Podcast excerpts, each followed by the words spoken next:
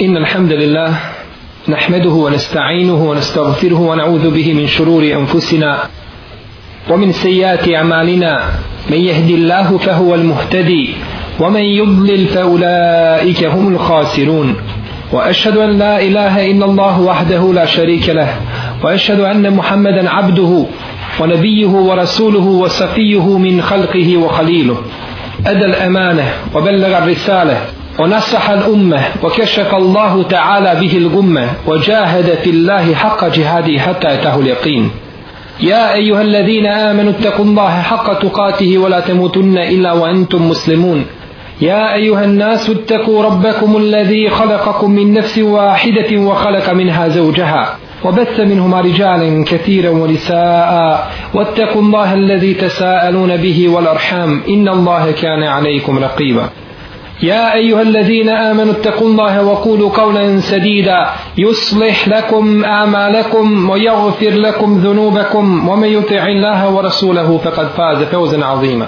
أما بعد فإن أحسن الكلام كلام الله وخير الهدي هدي محمد صلى الله عليه وسلم وشر الأمور محدثاتها وكل محدثة بدعة وكل بدعة ضلالة وكل ضلالة في النار. Govorili smo, znači, draga moja braća, u sunnetu poslanika, sallallahu alaihi wasallame, govorili smo kakve su odlike i vrline prakse Allahovog poslanika Muhammeda sallallahu alaihi wasallame, kazali smo da je sunnet Allahovog vjerovjesnika da je to kuća spasa. Ko uđe u tu kuću, spasio se i na dunjaluku i na ahiretu. Ako odbije ulazat u tu kuću, taj je propao i na dunjaluku i na ahiretu. Taj je propao znači na oba dva, na oba dva svijeta. Jer je uzvišeni Allah te barake wa ta'ala ispravnost imana i vjerovanja uslovio slijedjenje Muhammeda sallallahu alaihi wa alaihi wa sallam. Islamski učenjaci prave razliku između Islama ili Kur'ana i sunneta. Između Islama i sunneta prave razliku. S jedne strane, u globalu to je jedna kompaktna cijelina koja se ne može razdvajati. Ne može opstati Islam bez sunneta, niti može biti sunnet bez Islama i bez Kur'ana. No međutim, kada govore o vrijednosti sunneta, onda islamski učenjaci razdvajaju sunnet od islama. Razdvajaju sunnet od islama. I mi ćemo, potvrđujući ove riječi, spomenuti nekoliko predaja koje ukazuju na to da su učenjaci prvih pokoljena, pokoljenja pravili razliku između Kur'ana, odnosno Islama i sunneta. Bileži Ebu Šejh u svome dijelu Tabakatul Muhaddithin bi Asbehan od Alija radijallahu ta'ala anhu da je rekao en ni'amu situn blagodati se mogu podijeliti u šest vrsta ili ima šest osnovnih blagodati. Evoluha el islam. Prva ta blagodat jeste islam. I to je najveća blagodat uzvišenog Allaha te barake o ta'ala. Vostanijetu el Kur'an. Druga blagodat je Kur'an. Vostalisetu Muhammedun sallallahu alaihi wasallame. Treća blagodat je Muhammed poslanik sallallahu alaihi wasallame. Vorabija esunne, je sunnet. To je četvrta blagodat po podjeli Ali je radijallahu ta'ala anhu. Wal hamisetu el atije. I peta blagodat je zdravlje. Wal sadisetu el gina anin nas. Da čovjek bude neovisan, neovisan o ljudima. To je znači šesta, šesta blagodat. Pa vidimo ovdje da je Alija radijallahu ta'ala anhu kazao da je jedna blagodat islam druga Kur'an a treća sunnet poslanik sallallahu sallam pa četvrta je sunnet i bileži Ibn Džavzi u svome dijelu Menaqibul imam Ahmed I ovu predaju spominje imam Ezehebi u Sijeru. Od imama El-Mervozija kaže Kultu lebi Abdillah. Rekao sam, kaže Ebu Abdullahu, to jeste imamu Ahmedu. Men mate ala l'islami wa sunne mate ala hajrin. Upitao sam ga, kaže, onaj ko umre na islamu i na sunnetu, je li umro, kaže, na dobru? Pa mu kaže imam Ahmed, uskut, bel mate ala l'hajri kulli kaže šuti takav je umro kaže na svakom dobru nije samo umro na dobru nego je umro na svakom dobru odnosno nema većeg dobra od toga da čovjek umre na islamu i na sunnetu kako je to ovdje spomenuo imam Ahmed. I bileži imam Buharija i Ibnu Asakir svaki u svojoj povijesti od Omera Ibnu Abdul Aziza da je rekao Allahumme meti'ni bil islami wa sunnah wa barik li fihima. Gospodaru moj učini moj život i učini u mome životu da se naslađujem sa islamom i sunnetom. Da mi to bude najdraže nešto. Sa islamom i sunnetom. Obari kli fihima i učini mi svaki blagoslov i bereket u njima to jest u islamu i u, i u sunnetu. I bileže imam El Lalikai u svome dijelu šerhu usuli li atikad ehli sunne od Abdullaha ibn Šeira Zaza da je rekao Ra'ejtu fil menami ređulen ميتا جيء له بثياب بياض فقلت من هذا فيديو vidio sam kaže u snu mrtvog čovjeka kome su donijeli bijelu odjeću. Pa sam upitao ko je ovo? Faqila li pa mi je rečeno hada ređulun mate ala l'islami wa sunne wa neđa.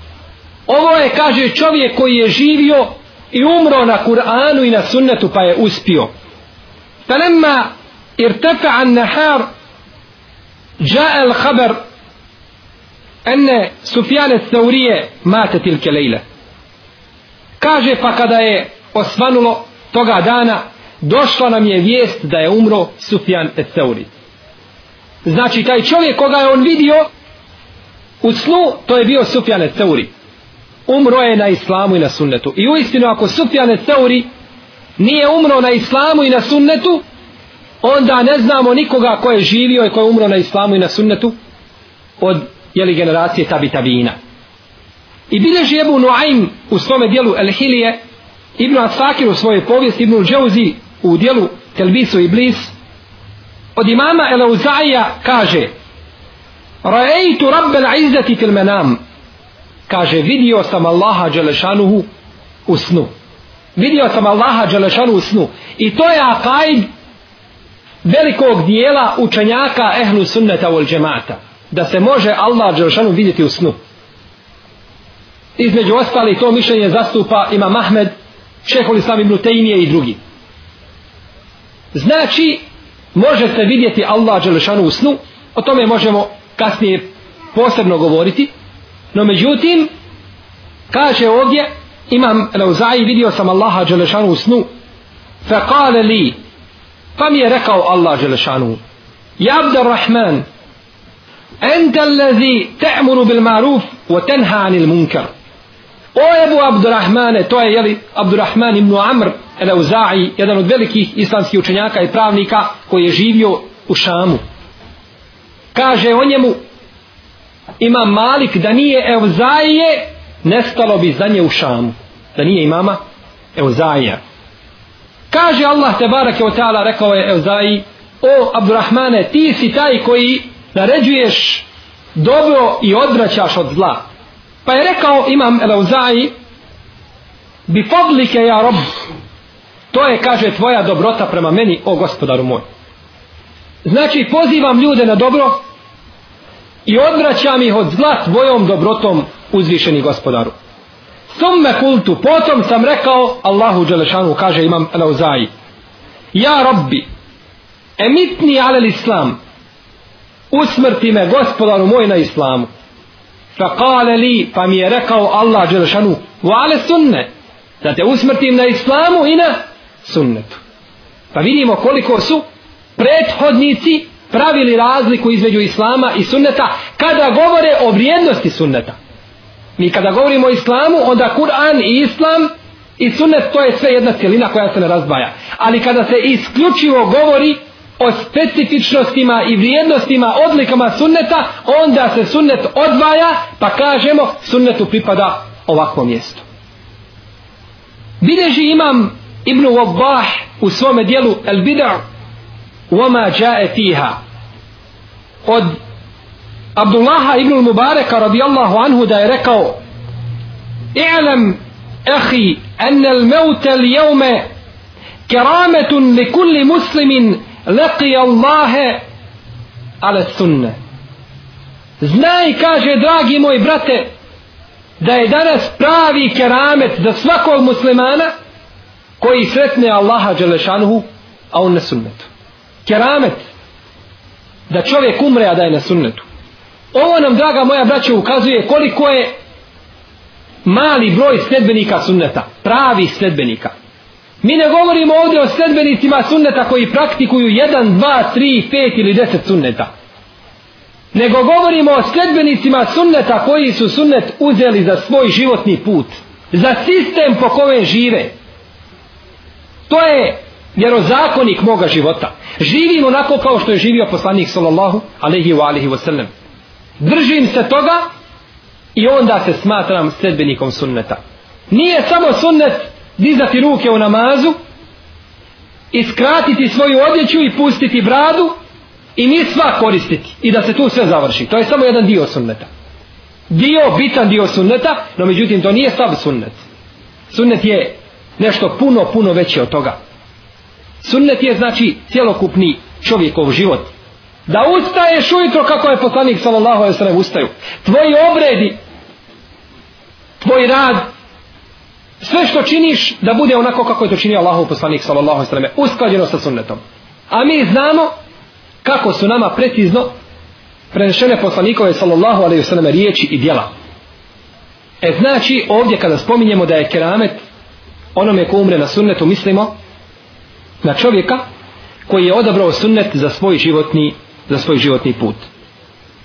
I bileži opet Ibnul Džauzi u dijelu Menakibul imam Ahmed od Balhe ibn Ubejdillaha el Bagdadija da je rekao Wafaka rukubi rukube Ahmed ibn Hanbal fi safinati فكان يطيل السكوت فإذا تكلم قال اللهم أمتنا على الإسلام والسنة kaže Talha ibn Ubejdillah al-Baghdadi jedne sam se prilike vozio u lađi zajedno sa imamom Ahmedom. Pa bi kaže imam Ahmed dugo šutao. Ne bi ništa govorio. A kada bi progovorio kazao bi gospodaru moj usmrti me na islamu i na sunnetu. Pogledajte draga moja braćo kako je šutnja lijepa. Jer ko puno šuti Allah ga obskrbi hikmetom mudrošću. Zato za imama Zuhrija se kaže da je šutao puno. A kada bi pričao, kaže se da su se njegove riječi pisale, da bi svaku riječ koju progovorio da bi ljud zapisali. Kao da je poslanik. Allah ga obskrbi hikmetom i mudrošću. Vi danas imate ljudi koji kad dođe u društvo ne može niko biti glavniji od njega, niti preći da govori. Znao ili ne znao, ali mi li džahil bio, on mora govoriti. Razumio se on u temu o kojoj se priča i govori ili ne shvatao to, bitno je da on govori. Pa kaže, tako je i tako je, nije ga niko ništa pitao, donosi fetvu prije nego što je pitan. I onda kaže, ali eto tu je šeh, ili tu je hafiz, ili tu je doktor, a on će najbolje kazati to. Pa opet priča, priča, pa evo kaže, on je tu da potvrdi. Znači taj hafiz ili alim ili šeh je tu da potvrđuje ono što ti govoriš ljudima. A niko te nije ništa pitao. Bitno je znači da se priča. E Allah Đeršanu neće takve ljude obskrbiti hikmetom i mudrošću. Vidimo imama Ahmeda. Puno bi, dugo bi šutao. Ali ima li išta ljepše od ovih riječi imama Ahmeda? Allahu dragi, usmrti nas na islamu i na sunnetu. To znači Allah moj, uvedi me u džennet bez polaganja računa.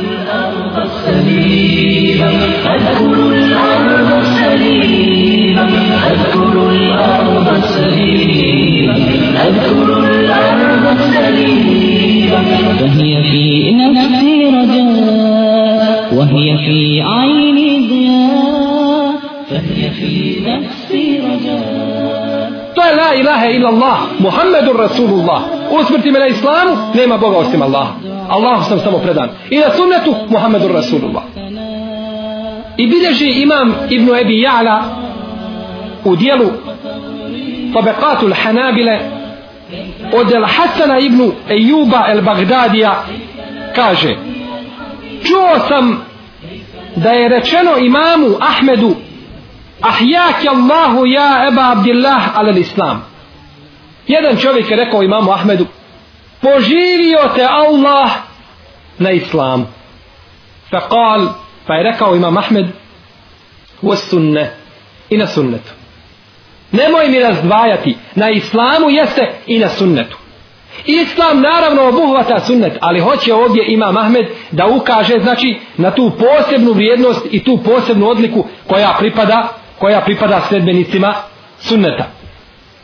Zabilježio je Imam El Bejheqi u svome dijelu Šu'bul Iman od Mujahida radijallahu anhu, jednog od najpoznatijih mufesira od tabina, učenika Ibn Abbasa, za koga se kaže da je ponovio Kur'an, kako bilježe istoričari, pred Ibn Abbasom 30 puta na pamet, zastajući kod svakog ajeta i pitao bi ga Ibn Abbas radijallahu anhu o svakom ajetu gdje je objavljen i povodom čega je objavljen.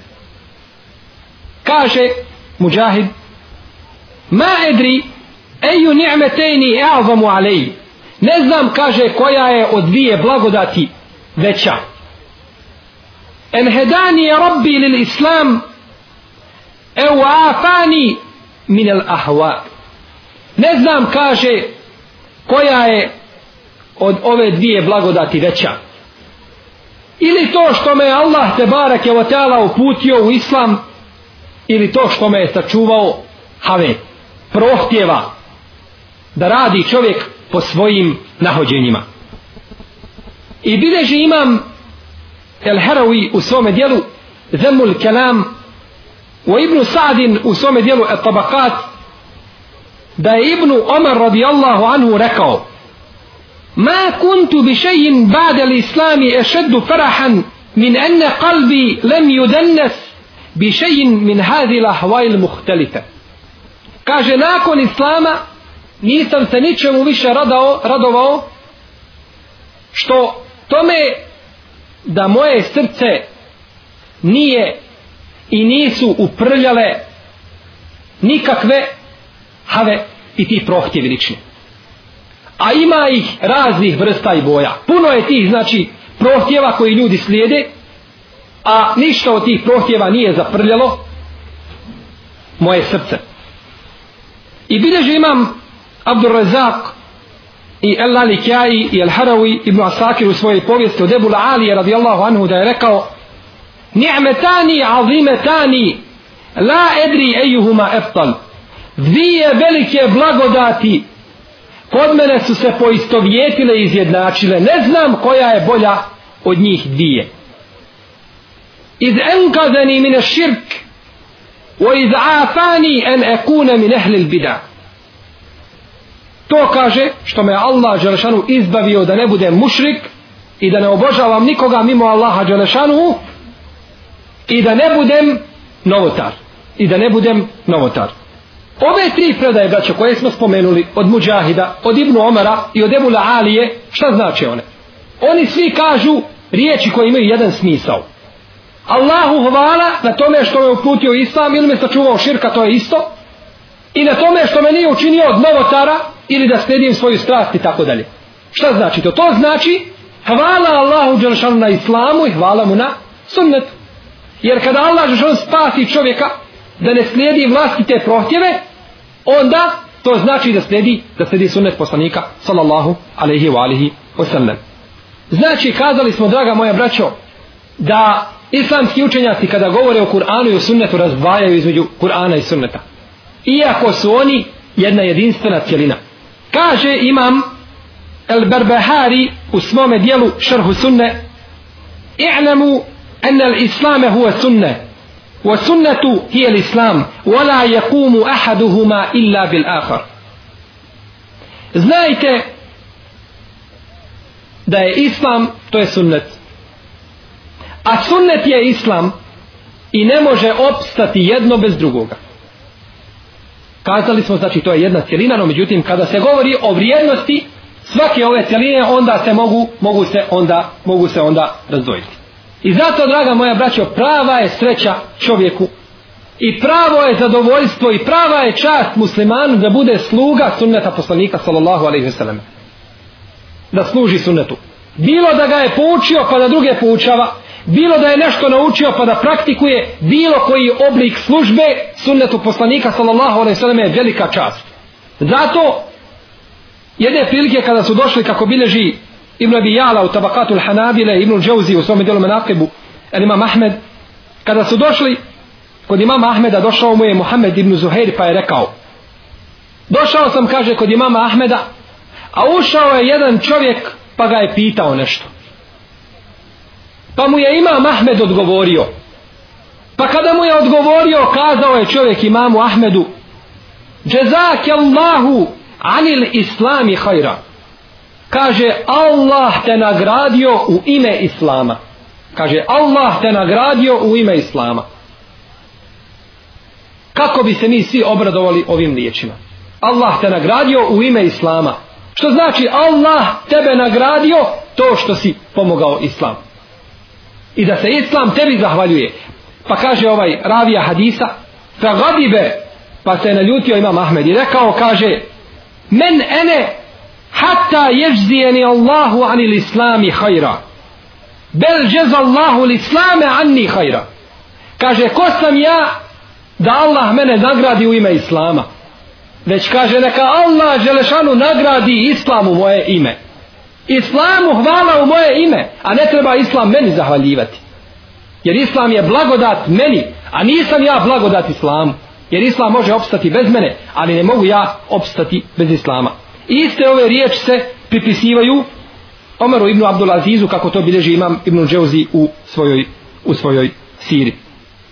Znači, braćo, iz ovih predaja vidimo vrijednost sunneta poslanika sallallahu alaihi wasallam i kako su to naše prve generacije razdvajale između islama i sunneta. Ljudi će, braćo, dolaziti na sudnji dan pred Allaha Đelešanuhu i Allah će im presuđivati. Sudi će im zbog dijela koja su činili. Neka će primati, a neka će odbijati.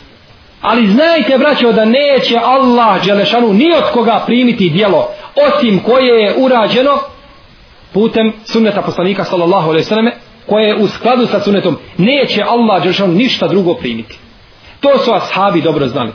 I zato su se držali sunneta i nastojali da praktikuju pa čak i ono najsitnije od sunneta. Voljeli su poslanika sallallahu alaihi wasallam više od bilo čega. Halid Ibn Walid dolazi u jednu od bitaka i sa sobom nosi dlaku poslanika sallallahu alaihi wasallam. jednu dlaku ima sa sobom i nju nosi i nikada je ne ostavlja. Bez nje ne ide u bitku. Jer je znao da je u dlaki poslanika sallallahu alejhi ve selleme bereket i blagoslov. A o tome ćemo inshallah Allahu teala o bereketu i blagoslovu ćemo posebno govoriti uz Allahu u narednim znači predavanjima. A umu Seleme kaže već 30 godina imamo jedan čuper kose od poslanika sallallahu alejhi ve selleme koga čuvamo. 30 godina kaže kada bi se god neko razbolio od djece donijeli bi vode mi bismo umočili tu kosu u tu vodu i otišlo bi dijete popilo tu vodu i odmah bi se izliječilo. Ili bi se okupalo tom vodom i odmah bi se izliječilo. To je bereket poslanika sallallahu alejhi ve selleme to je ono što su ashabi razumjeli. A braćo kakav je bereket materijalni u ovome da se čovjek može izliječiti i tako dalje? Takav je bereket u sunnetu poslanika sallallahu sallam onaj duhovni a kakav može bereket biti veći od toga da te Allah Đeršanu zbog sunneta poslanika sallallahu sallam uvede u džennet i zato je obaveza svakom muslimanu da nauči šta može od sunneta i da praktikuje to i da to u praksu sprovede ne vrijedi braća sunnet samo znati sunnet se mora praktikovati Jer sunnet hoće praksu. Ova vjera je živa vjera koja hoće praksu i praktične obrede, a neće mrtvilo. Kao što je u drugim nevjerama, njihove ideologije i njihovi znači temeli, njihove osnove su mrtvilo. I ne moraju ništa ni raditi. Zbog toga njima je čudno kada se kaže da se mora u vjeri klanjati, da se moraju određena obredoslovlja činiti i tako dalje. To je njima čudno. Kažu, zar je to tako žestoko? Zato čovjeku kada dođe hadis poslanika sallallahu alejhi ve selleme ne treba da koristi svoj razum i da na osnovu svoga razuma onda donosi zaključke. Vi ste svi čuli za hadis poslanika alaihi salatu wasalam koga bilježi imam Tirmizi u El Džamija i koga je zabilježio imam Ahmed ibn Tabarani u kome se kaže da je Allah Đeršanu spustio El Hajarul Eswed da ga je spustio iz dženneta da je bio bijel kao snijeg. Pa je pocrnio od ljudskih grijeha. Pa je pocrnio od ljudskih grijeha dođu sada neki pametnjakovići od muslimana džahili i neznalice pa kažu u redu ako je taj kamen pocrnio nakon što je spušten na zemlju od ljudskih grijeha zbog čega nije ponovo pobijelio u vrijeme poslanika ali i salatu veselam, zbog pokornosti Allaha Đelešanu i zbog pokornosti Allahu Đelešanu. Zar nisu ashabi bili najpokorniji ljudi svome gospodaru Tebare Kotala jesu. Zbog čega nije taj kamen tada pobijelio ponovo. Ponovo se vratio, vratio u prvobitno stanje. Vidimo znači kako koriste svoj krnjavi truhli razum da bi time odbili hadise poslanika sallallahu alaihi wasallam. I kada dođe nešto u hadisima Allahovog vjerovjesnika alaihi salatu wasallam to nam je obaveza prihvatiti. Hadis vjerodostojan potvrđenja njegova ispravnost nema čovjek više pravo da koristi svoj razum završeno je tu. Hadis kada upadne muha nekome u hranu neka je umoči u vodu i tako dalje pa neka onda izvadi neka je izvadi za čiste vode pa neka popije jer je u jednom krilu lijek a u drugom krilu je otrov. Pa se onda to izjednači jeli onaj lijek uništi otrov i tako bude voda ispravna za piće. Vidite muslimane naći ćete kroz stoljeća muslimane koji su pisali o ome hadisu. I ne mogu shvatiti ovaj hadis i smijavaju se sa njim. I onda kad dođu nevjernici nevjernički učenjaci kad dođu pa potvrde toga kažu e stvarno vidi poslanik sallallahu alejhi ve rekao istinu. Znači treba doći čafir da potvrdi da je tvoj poslanik Muhammed sallallahu alejhi ve govorio istinu. U protivnom ne vrijedi. Svaki hadis znači koji dođe mi ćemo ga vratiti ili ćemo čekati da nam naši neprijatelji potvrde da je poslanik sallallahu alejhi ve sellem tako govorio. To je pogrešno. Ako se potvrdi naukom neka od poslanikovi sallallahu alejhi ve sellem muciza alhamdulillah a ako se ne potvrdi to za nas ništa ne znači. Ako dođe hadis u sunnetu poslanika sallallahu alejhi ve selleme da je rekao nešto hadis vjerodostojan. I dođe sva nauka dunjaluka i kaže suprotno. Mi kažemo tako nam Allaha niste u pravu promašili ste u pravu je poslanik sallallahu alejhi ve sellem Naravno, naići ćemo na one muslimane koji kažu, ali to je nauka. To je nauka, to nisu puke pretpostavke, to je nauka. To je znanje. Mi kažemo jeste, to je znanje. Ali mi vas pitamo, je li znanje Allaha te bareke o teala koje je objavio svome poslaniku sallallahu alaihi selleme veće ili je to znanje koje vi otkrivate? Vama je Allah dao jednu sitnicu, kap jednu od tog, iz tog mora znanja. I vi se ne možete sa tim znanjem suprostaviti Allahom te bareke od tala znanju. A poslanik sallallahu alaihi sallam sve što se radi od gajba i od tih naučnih muđiza ništa nije govorio, ništa nije govorio iz svojih prohtjeva. Nego je to sve govorio kako mu je bilo objavljeno. Znači, ovom postavkom i ovom teorijom padaju u vodu sve njihove riječi koje se kose sa sunnetom poslanika sallallahu alaihi sallam. I koliko su puta oni otkrili nešto pa se vrate, kaže nije tako kao što smo govorili, već je ovako. A poslanik sallallahu alejhi ve sellem se nikad nije ni u jednom jedinom hadisu prevario, niti je rekao ono što nije pa da kaže ne nije tako već je ovako. To nije se desilo nikada. Poslanik sallallahu alejhi ve sellem braćo ne može pogriješiti u riječima. To je jako bitno. Može u djelu. Može poslanik sallallahu alejhi ve sellem zaboraviti da je namaz klanjao samo dva rekiata pa preselami. Može se desiti. Pa ga sahabi poprave. Allah što hoće nama pokazati kako da se čini sehvi sežda. I šta da čovjek učini kada zaboravi kada preselami i upala namaza. No međutim, ne može poslanik sallallahu alaihi sallam pogriješiti u svojim riječima. Ne može nešto kazati, pa doći sutra reći ashabima, ja sam kazao nešto što nisam namjeravao reći, pa sam se preletio, riječ mi je izletila, nije tako, već je ovako, što je vezano za šarijat. To je nemoguće. Jer je tu poslanik sallallahu alaihi wasallam ne pogrešiv, znači u svojim, u svojim riječima. Draga moja braćo, uzvišeni Allah te barake o ta'ala je odlikovao Allahovog poslanika Muhammeda sallallahu alaihi wasallam sa brojnim sa brojnim muđizama. Sa brojnim muđizama tim naravnim stvarima koje daje samo poslanicima. Mi često čujemo da neko kaže kada se desi nekome od ljudi nešto kaže to je muđiza to je pogrešno kazati. Muđize su isključivo za poslanike i vjerovjesnike a za ljude su kerameti. Pa ako se desi nešto nekome od boraca na lahom putu ili čovjeku običnom desi mu se keramet a može se desiti onda kažemo to je keramet a nije muđiza. Jer muđiza je ono što se ne može desiti nikome drugom nego poslaniku ili vjerovjesniku. A keramet se može desiti bilo kome od ljudi. Bilo kome znači od ljudi islamski učenjaci draga moja braća spominju preko 1200 muđiza koje su date poslaniku sallallahu alaihi wasallam. 1200 muđiza. Kako navodi imam neovi u uvodnom dijelu svoga komentara na muslimov, na muslimov sahih. Brojne su te muđize. Mi ćemo ovom prilikom ograničiti se na one najispravnije odnosno koje su prenešene do nas najispravnijim lancima prenosilaca prvenstveno u dva sahiha kod Buharije i kod, i kod muslima. Pa bileže Buharija i muslim od Džabira radijallahu anhu a isto u predovi bileže opet Buharija i muslim od Enesa u nešto skraćenoj verziji. Kaže Džabir ljudi su ožednjeli na dan Hudejbije bili su jako žedni. Pa je neko donio poslaniku sallallahu alaihi wasallam jednu malu posudu sa vodom pa kada su to vidjeli ljudi svi su se okupili oko Allahovog poslanika sallallahu alaihi wasallam inače braćo tako su ashabi radili. Kada bi se našli u teškoj situaciji kada bi ih nešto zabrinulo onda bi se svi okupili kao djeca kada se okupljaju oko roditelja. Tražili bi utočište kod poslanika sallallahu alaihi wa alihi wasallam.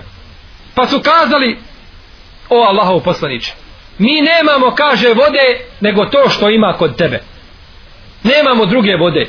To je sve što ima. A mi se trebamo abdestiti i trebamo piti.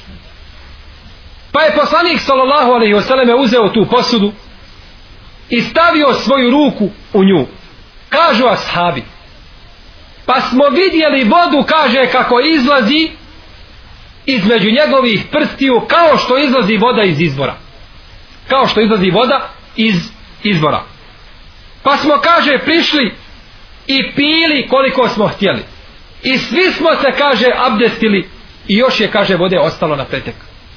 Pa su upitali džabira kaže koliko vas je bilo toga dana? Koliko vas je bilo kada ste svi abdestili iz tako male posude i pili? Kaže da nas je bilo stotinu hiljada bilo bi nam dovoljno. Da nas je bilo stotinu hiljada to bi nam bilo dovoljno. Bilo nas je kaže tada toga dana nas je kaže bilo hiljadu i petstotina hiljadu i petsto ashaba je pilo iz tako male posude to je znači blagodat koju je Allah te barake o teala dao poslaniku sallallahu alaihi sallame, kroz jeli, tu muđizu da se povećava voda, odnosno da voda izlazi između njegovih prstiju. To je što se tiče vode.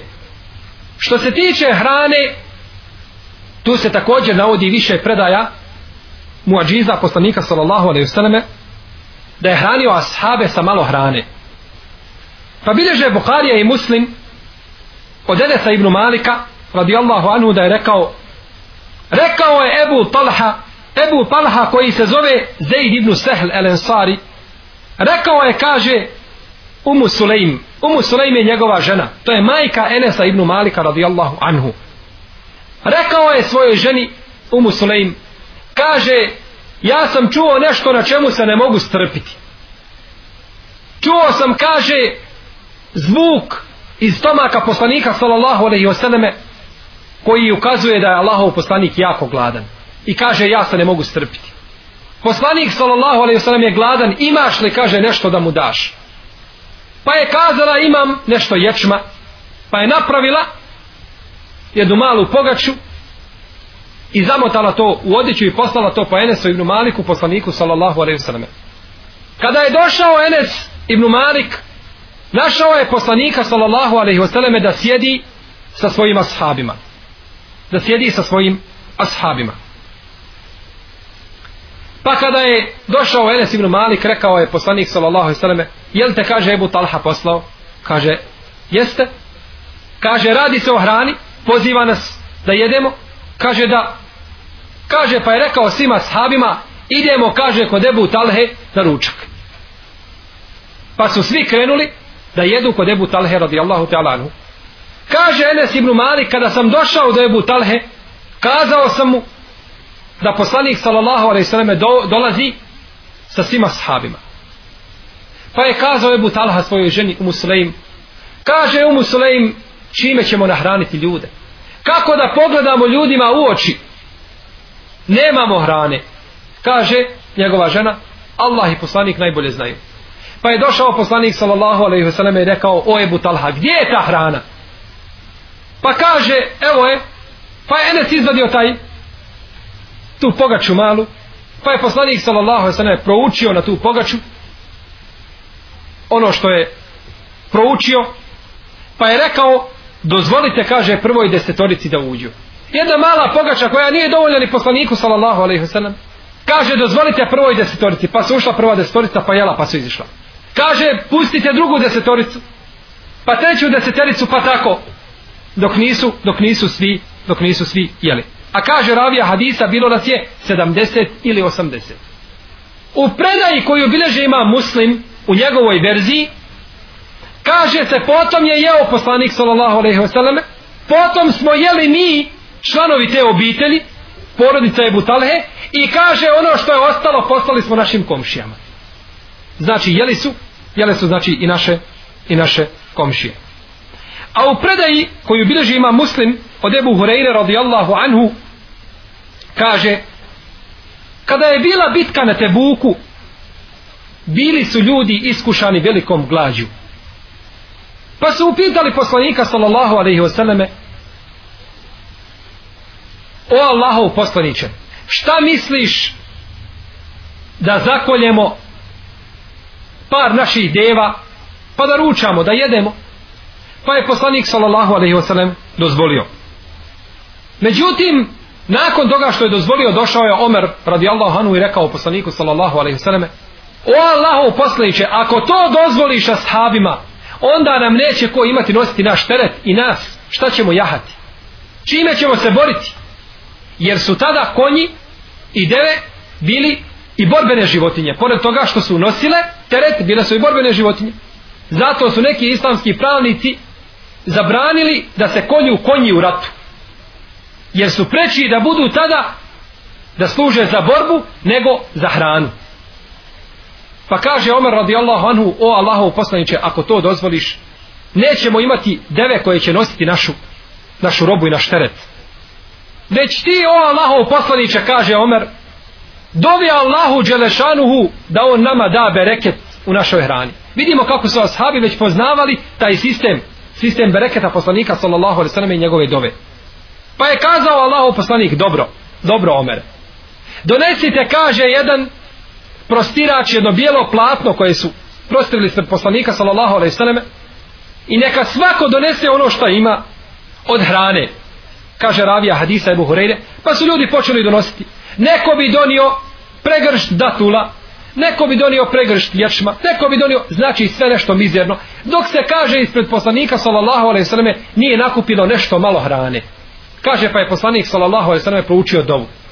Pa je rekao donesite sve posude koje imate vojska sve posude koje imate donesite i vamo kaže pa smo donijeli sve posude pa smo ih svi napunili sve posude koje su bile uz nas kaže sve smo ih sve smo ih napunili.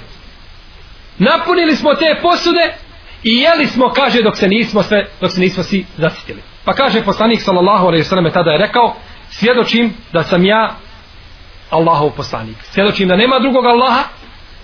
Svjedočim da nema drugog Boga osim Allaha te barake o taala i da sam ja njegov rob i njegov i njegov poslanik." Također uzvišeni Allah te barake o taala je počastio našeg poslanika sallallahu alaihi sallame sa muđizama sa kojima je liječio ljude koji su obolili. Jedne prilike, kako bileže Buharija i Muslim od Sehla ibn Sada, rekao je poslanik sallallahu alaihi wasallame, kada je bila bitka na Hajberu, da ću, kaže ovu zastavu, čovjeku koji će Allahovom voljom donijeti vama pobjedu. pa su svi ashabi ustali i svako je očekivao da će biti taj kome će poslanik sallallahu alaihi sallam dati tu zastavu, tu baklju. Pa je upitao gdje je Alija? Gdje je Alija radijallahu anhu? Pa su kazali o Allahov poslaniće ješteki ajnej kaže žali se na svoje oči oči ga bole. Ne može gledati na njih. Pa ga je pozvao poslanik sallallahu alaihi wasallame i pljunuo u njegova oba dva oka. Pljunuo. Pljuvačka poslanika sallallahu alaihi wasallam je Mubarek. Pa je pljunuo u njegovo desno pa u lijevo oko. Kaže Alija radijallahu anhu pa tako mi Allaha kao da mi se nikada ništa nije ni desilo. Kao da nikada nisam osjećao bol u svojim u svojim očima. I bideže opet Buharija i Muslim u priči Abdullaha ibn Utejka radijallahu anhu da je rekao jednom sam kaže slomio svoju potkoljenicu. Slomio sam potkoljenicu pa sam je zavezao nekom gazom i nisam mogao hodati na svojoj nozi. Pa kada je to čuo poslanik sallallahu alaihi wasallame pozvao me i rekao kaže pruži svoju nogu. Kaže Abdullah kaže pa sam pružio svoju nogu. Kaže pa je dotakao moju nogu svojom rukom. Kaže tako mi Allaha kao da nikada moja noga nije više slomljena bila. Iz tog momenta dok je dotakao poslanik sallallahu alejhi ve selleme svojom rukom nogu Abdullaha kaže kao da ta noga nikada više nije bila ni slomljena također bereket dove poslanika sallallahu alejhi ve selleme koji je činio ashabima. Bileži ima muslim u svome sahihu od Enesa ibn Malika kaže da je njegova majka tražila od poslanika sallallahu alejhi ve selleme da mu dovi. Da poslanik sallallahu alejhi ve selleme dovi Enesu radijallahu anhu. Pa je rekao poslanik sallallahu alejhi ve selleme Allahumma ektir malehu wa walade gospodaru moj povećaj mu njegov imetak i njegov porod. Pa kaže Enes fe wallahi inne mali le kethir tako mi Allaha kaže ja imam jako puno imetka. Wa inne waladi wa walede waladi le yeta'adune ala nahu il mijeti li a kaže u istinu moja djeca i djeca moje djece to jeste unčad ima ih danas kaže oko stotinu. Moja djeca i djeca moje djece kaže ima ih stotinu. Pogledajte braćo dove poslanika sallallahu alaihi wa alihi wasallam. Kakav je to beričet? Pogledajte braćo stanovnike Medine. Ko je išao, ko je hađa obavljao ili umru? Mogao je primijetiti koliko su stanovnici Medine koliko imaju nježnija i blaža srca nego stanovnici Mekke. A to je sve bereket dove poslanika sallallahu sallam koji je činio prije 1400 godina. I puno se lakše da razgovarati i trgovati sa medinjanjima nego sa mekijama oni su jako grubi. A to je sve rezultat dove poslanika sallallahu alaihi wa alihi wasallam kaže imam Kurtubi u svome dijelu El-alam bima fi dini nasara min al fesadi wal evham tako se zove jedno dijelo u kome kaže kada bi poslanik sallallahu alaihi wasallam dovio nekome od ashaba bereket te dove bi se pokazao na onome kome je poslanik sallallahu alaihi wasallam dovio i na njegovom imetku i na njegovom porodu svugdje bi se nakon toga vidio bereket dove poslanika sallallahu alaihi wa alaihi wa sallam. bilježe opet Buharija i Muslim od Enesa ibn Malika radijallahu anhu da je rekao bio sam kaže sa poslanikom sallallahu alaihi wasallam na putu pa je moja deva nešto se ulijenila i zaostala iza karavane pa je poslanik sallallahu alaihi wasallam pričekao dok sam došao do znači tog zadnjeg dijela karavane do začelja pa je upitao šta je s tobom o Enese? Zbog čega kasniš? Pa je kazao o Allahov poslaniće moja se deva umorila i zalijenila pa sam uvijek zadnji. Pa je kazao poslanik sallallahu sallam idi prođi ispred mene. Kaže pa sam prošao ispred poslanika sallallahu alaihi wasallam pa je kaže proučio ono što je proučio od dova kaže pa je moja deva krenula kaže tako mi Allaha kaže uvijek sam bio prvi uvijek sam bio na čelu kolone. Pa kada bi me god stigao poslanik sallallahu alejhi ve pitao bi o Enese kako ti i kako tvoja deva kaže dobro o Allahov poslanice kaže moju je devu moju je devu snašao bereket tvoje dove. I bileže opet Buharija i Muslim od Enesa ibn Malika radijallahu anhu da je jedne prilike dok je poslanik sallallahu alejhi ve sellem držao hutbu došao jedan pustinjak i rekao ja rasulallah helekel malu ođa al ijal o Allahov poslaniče uništene su naše dobrote naši metak naši usjevi.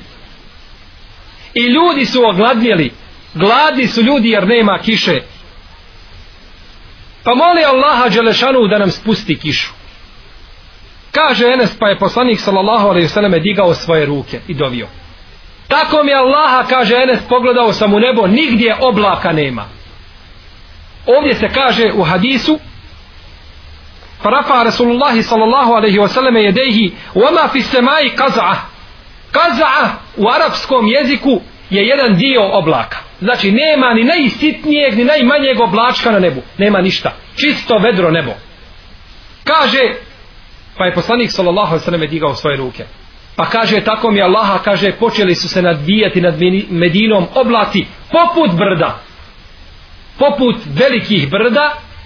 Kaže tako su se nadvili oblati nad, nad Medinom. Pa je kaže počela kiša. Pa je sedam dana padala kiša. Pa je sedam dana padala kiša. Sve dok nije bilo ponovo naredne džume da je ovaj isti pustinjak došao i kazao poslaniku sallallahu alejhi ve selleme o Allahov poslanice kiša i te obilne padavine uništiše naše usjeve pa moli Allaha dželešanu da prestane kiša. Pa je poslanik sallallahu alejhi ve selleme digao svoje ruke i molio Allaha dželešanu da prestane kiša. Kaže Enes ibn Malik opet radijallahu anhu pa su se kaže počeli pomjerati oblaci isklonjati se, znači nisu više iznad Medine, već su, kaže, okružili Medinu. Napravili su jednu halku oko Medine. A sva Medina je bila, jeli, više čista od oblaka, nije bilo oblaka iznad Medine. A kaže, potok i potoci vode su tekli kroz Medinske doline mjesec dana. Tekli su mjesec dana od ove poslanika, sallallahu alaihi wa alihi wa sallam. Pa kaže, ko bi god došao iz tih predjela, iz tih krajeva, govorio bi o bereketu i o hajru koji se pojavio u zemlji nakon što je poslanik sallallahu alejhi ve selleme dovio za kišu. Vidimo, draga moja braćo, kroz ove brojne predaje vrijednost poslanika sallallahu alejhi ve selleme, a znajte muđize o kojima se može govoriti su brojne. Spomenuli smo da neki islamski učenjaci kažu da one prelaze 1200 muđiza ali ovo sigurno što smo spomenuli iz najvjerodostojnijih hadijskih zbirka najvjerodostojnijih hadijskih zbirki su predaje koje ukazuju na vrijednost našeg poslanika Muhameda sallallahu alaihi selleme na odliku i na vrlinu kojom ga je uzvišeni Allah te barake u tala počastio. Kada bi ovaj poslanik Muhammed sallallahu alaihi selleme bio obični čovjek da nije poslan od Allaha Đelešanu a imao ovakve vrline u istinu bi bilo pravo zadovoljstvo i bila bi prava čast slijediti takvog čovjeka. I hvaliti se da takav čovjek postoji ome umetu. Pa šta mislite, draga moja braćo, kada je to sve bilo Allahovom Đelešanu odredbom i njegovom voljom kao poslaniku, ne kao običnom čovjeku.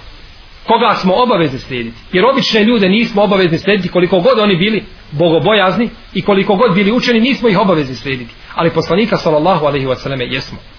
Pa zato ne preostaje, draga moja braćo, muslimanima današnjice, ništa drugo. Nemaju drugog izlaza i nemaju drugog puta, nego da se vrate sunnetu Allahovog poslanika, sallallahu alaihi selleme da ga poučavaju, da ga praktikuju, da ga na druge prenose, da druge pozivaju sunnetu, i onda će sigurno uzvišeni Allah te barake o tala promijeniti naše stanje jer neće Allah Đelešanu promijeniti stanje jednog naroda dok taj narod ne promijeni samog sebe.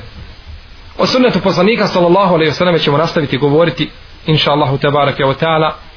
Govorit ćemo o bereketu, o blagoslovu šta je to blagoslov, koje su to dozvoljene vrste blagoslova, na osnovu čega i čime je dozvoljeno tražiti blagoslov od poslanika sallallahu alaihi wa alihi ve sellem? Molim uzvišenog Allaha tebareke wa ta'ala da nas pouči sunnetu poslanika sallallahu alaihi ve selleme, da nas učvrsti u praktikovanju tog sunneta da poučavamo druge tom sunnetu i da budemo u društvu sa poslanikom sallallahu alejhi ve selleme u džennetskim prostranstvima sallallahu sallallahu ala nabina Muhammed wa ala alihi wa sahbihi ecmaîn.